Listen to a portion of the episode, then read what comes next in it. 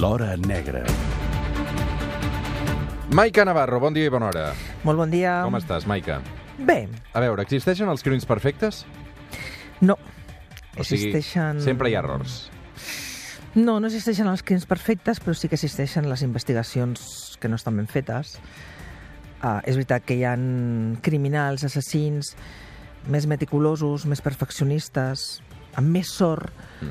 però investigacions millors, pitjors. Hi ha molt, de vegades, molt de la sort, però no, el crim perfecte vull pensar i tots hauríem de creure que no existeix. Encara fa poc que ens coneixem amb la Maica Navarro, eh, des d'aquest setembre. Hi ha una de les coses que em fascinen eh, i és com guixa sempre el guió que porta el suplement amb uns dibuixos eh, i uns garbots, no? O sigui, realment, és que no, no, no deixes ni una frase viva, eh? Eh, a veure si tens nassos... Mira, ara estàs fent cors. Ah, ara estàs fent cors. Estàs enamorada. Sí. Quina sort que tens. Roger i Maica. Roger i Maica. Va, marxem 10 anys enrere, que em començo a posar nerviós i su. Atenció, perquè avui la història no és per riure. Marxem fins al febrer de l'any 2008. La Fiscalia diu que els dos homes del prostíbul els hauria demanat semen que després hauria posat a la boca i als genitals de la víctima per simular un homicidi sexual. Amb tots els elements lligats, va citar la víctima en un apartament de lloguer, on dos dies després la va trobar morta al sofà la senyora de la neteja. Molta atenció, aquest és el cas de l'anomenat crim perfecte. Van trobar el cos d'una dona despullada en un sofà d'un apartament de lloguer de Gràcia, a Barcelona. La víctima, atenció, tenia una bossa de plàstic lligada al cap i no tenia cap objecte personal que permetés identificar-la. Tot això l'any 2008 a Gràcia. Qui era exactament la víctima, Maica? Doncs la, la víctima era una, una jove, Anna, Anna Maria Páez, de 35 anys, una, una dona meravellosa i així la, la van descriure doncs, la, els seus pares, el Carles, la seva parella, el seu germà i la moltíssima gent que l'estimava i que des, 10 anys després la continuen a trobar molt a faltar. Uh, L'Anna treballava, era dissenyadora i treballava en una, en una empresa textil i ella havia conegut feia 6, 6 anys enrere amb una dona, uh, Maria Àngels Molina, Angie, era la seva jefa i bueno, tenien una relació d'amistat. Doncs bé, l'Anna aquell dia eh, explica al Carles, a la seva parella, vivien junts a, al barri del Congrés, compartien, compartien pis feia, feia un temps, li diu que ha quedat a dinar a sopar, que la seva jefa l'ha convidat a sopar. I bé, doncs eh, l'Anna va quedar a sopar amb, amb l'Angi. Um, després, és molt després que sabríem aquest desenllaç i el que passa en, a, en aquest sopar. En aquest apartament del que descrivia amb tanta precisió i de manera tan particular la Fàtima Llambric en aquest televeu que, que hem escoltat, Del Telenotícies, sí. del Telenotícies de, de TV3, eh, que això era un apartament al carrer Camprodon que, que es jugava per hores, ara ja ha deixat de ser una, un, un bloc d'apartaments, i, i l'assassina lloga aquest apartament, però ho fa eh, simulant la identitat d'Anna Paez.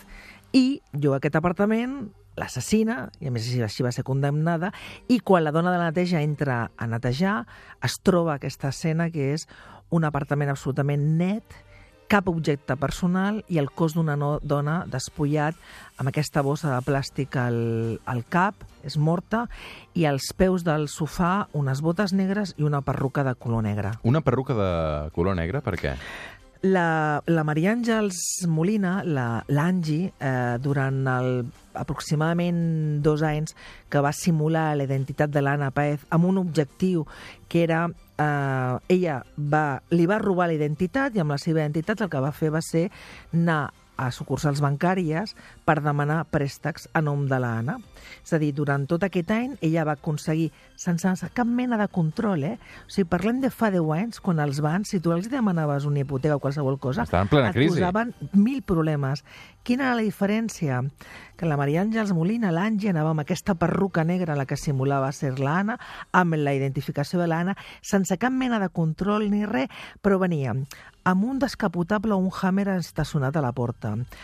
Amb una, bueno, amb una, un atractiu molt embaucador, amb una molt sofisticada, molt embaucadora, molt, molt, aquestes dones, eh, o aquestes persones, no necessàriament han de ser dones, molt atractives i que realment és, és molt difícil dir-los que no, doncs ella va aconseguir que durant aquest any i mig cap responsable d'entitat bancària li digués no a una, a una petició d'un préstec d'una assegurança de vida. Per això l'assassina. L'assassina perquè ja ha cobrat tots aquests diners, però el que vol ara és cobrar les assegurances de vida que havia col·locat a nom de la que havia de ser una nova víctima, una tercera persona. Realment, eh, la ment perversa d'aquesta dona... Eh, crec que la podrem sentir d'aquí una estona, no?, fins i tot. Sí, mm, la podem sentir durant, durant el judici. Ella sempre, Maria Àngels Molina, eh, sempre ha negat totes les acusacions. La investigació, de la investigació es va fer càrrec al grup d'homicidi dels Mossos d'Esquadra. Primer van trobar aquest cadàver.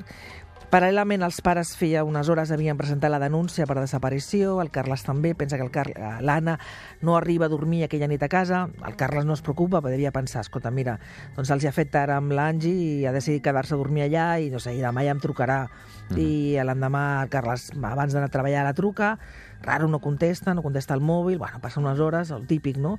I al final truca als pares, sabeu alguna cosa, truca a la feina i truca a l'Angi i l'Àngel li explica al Carles que havia suspès el sopar i que no havia anat al sopar. I, de fet, explica no només això, diu, no, no, em va suspendre el sopar. És més, com que al final no sopava amb l'Anna, el que vaig fer és anar a buscar les cendres de la meva mare a Saragossa. Aquesta és la cortada fantàstica que tenia. Mm, fantàstica. La seva mare havia mort feia un any, estava incinerada, i és veritat, durant un any havia... les cendres de la mare estaven a Saragossa.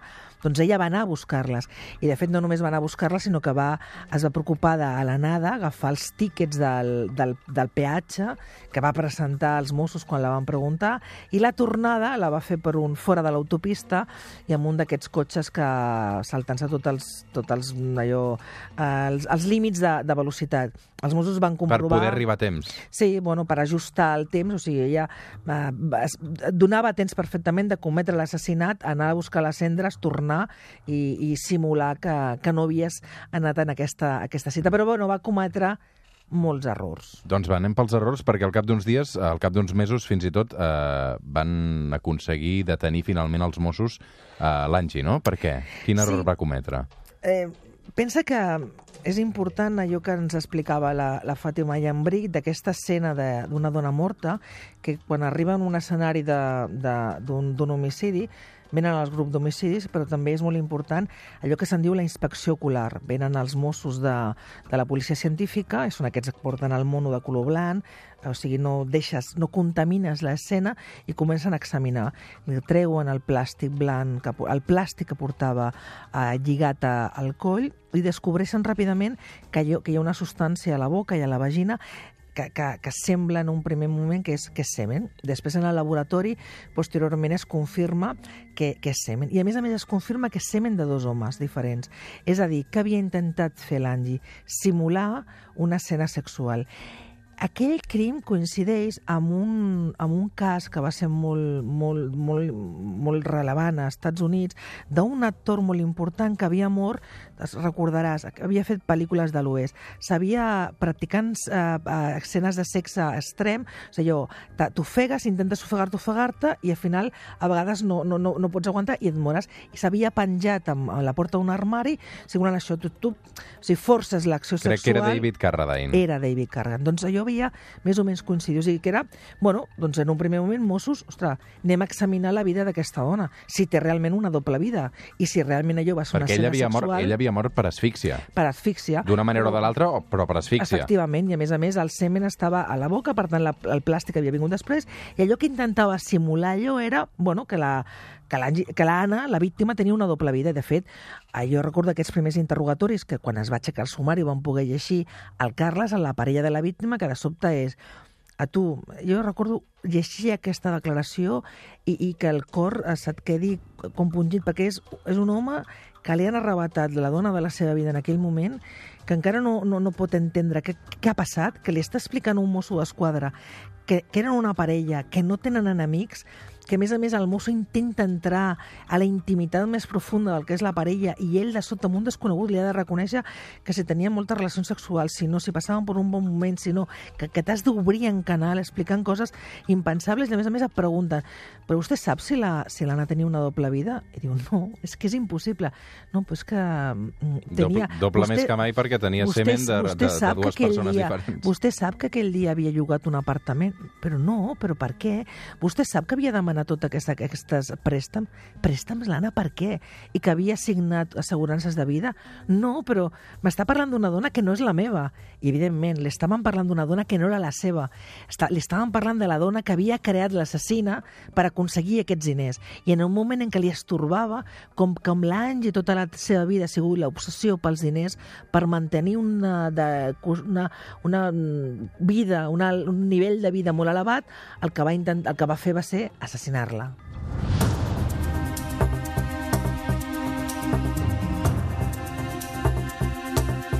A veure, explica'm, dona'm més detalls d'aquests dos gigolos que, que havia contractat l'Angie. Bueno, um, com s'ho va fer els- els... per preparar aquest, aquesta escena del crim? Bueno, la- l'Angie el, que, el que pretén és, és simular aquesta escena sexual i ella el que, el que busca després, de fet, quan és detinguda, els Mossos troben en el seu ordinador, això són els de policia científica, hi ha un grup específic de- d'anatomia forenses, d'informàtics, que aconsegueixen, tot i que tu hagis esborrat a l'historial del teu ordinador, buscar-ho i trobar-t'ho. Llavors, veuen que en el seu ordinador ha estat fent recerques de gigolos a Barcelona.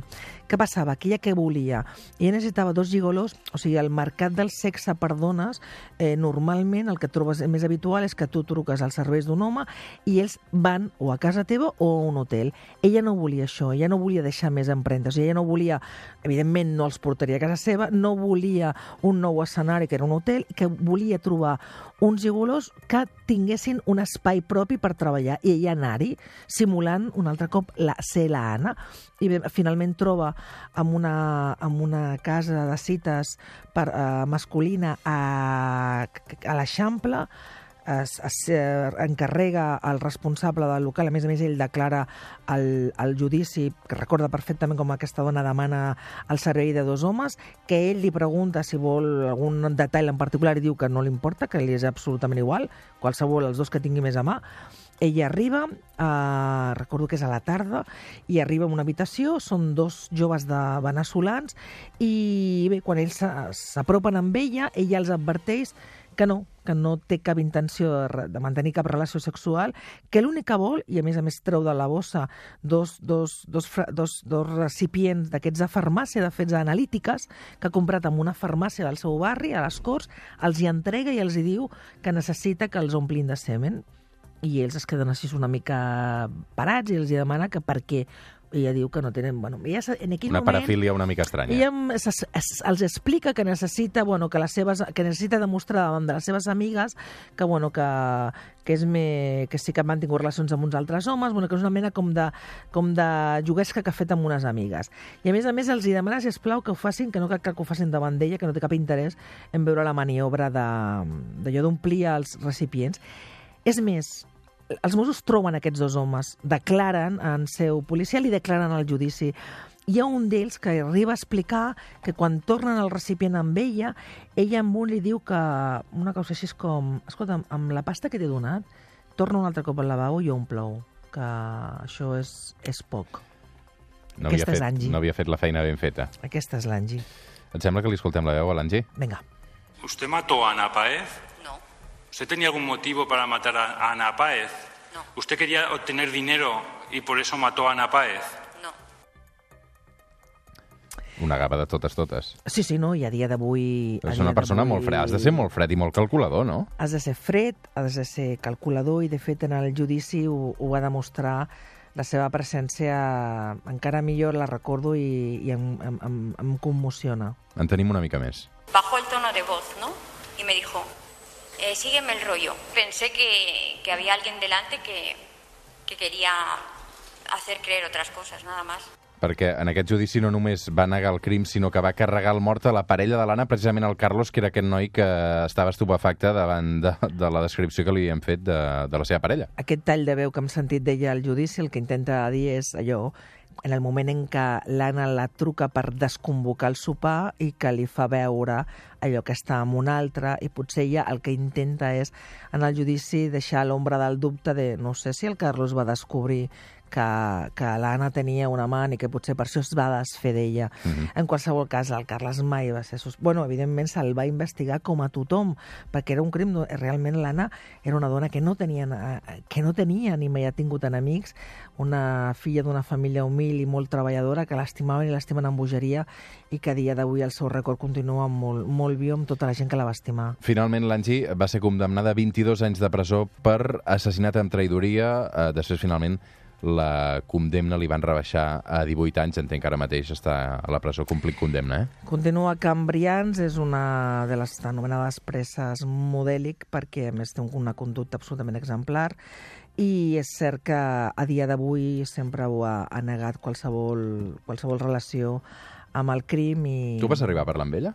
Durant aquest judici? No, no vaig arribar a parlar amb ella i de fet ella sempre ha donat... Jo he intentat parlar amb ella diverses ocasions i sempre ha donat instruccions a la seva advocada que no, que no volia parlar amb mi ni de fet tampoc ha volgut que la seva advocada parli, parli amb mi. Jo tinc una relació molt especial amb, amb aquest cas. A mi aquest cas personal, personalment em va marcar molt i amb que, jo amb aquests 30 anys de professió que mai he, mai he volgut afrontar la feina complicada, perquè li tinc molt de respecte de fer un llibre.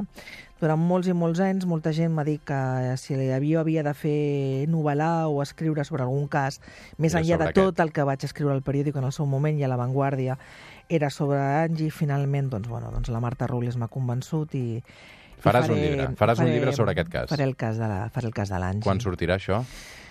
Doncs uh, m'estic posant tot plegat amb el, amb el sumari, perquè és un cas, però jo calculo que estarà... La gent el podrà, el podrà gaudir a partir de l'octubre de l'any que ve. Doncs molt bé, et queda una mica menys d'un any, compte enrere. Maica Navarro, gràcies, una abraçada. Una abraçada. Roger, escolta, continuo fent cors en la paret. Ai, és que, però és que eh, t'acabaràs la llibreta, va. Adéu. Va, fins ara, publicitat i tornem.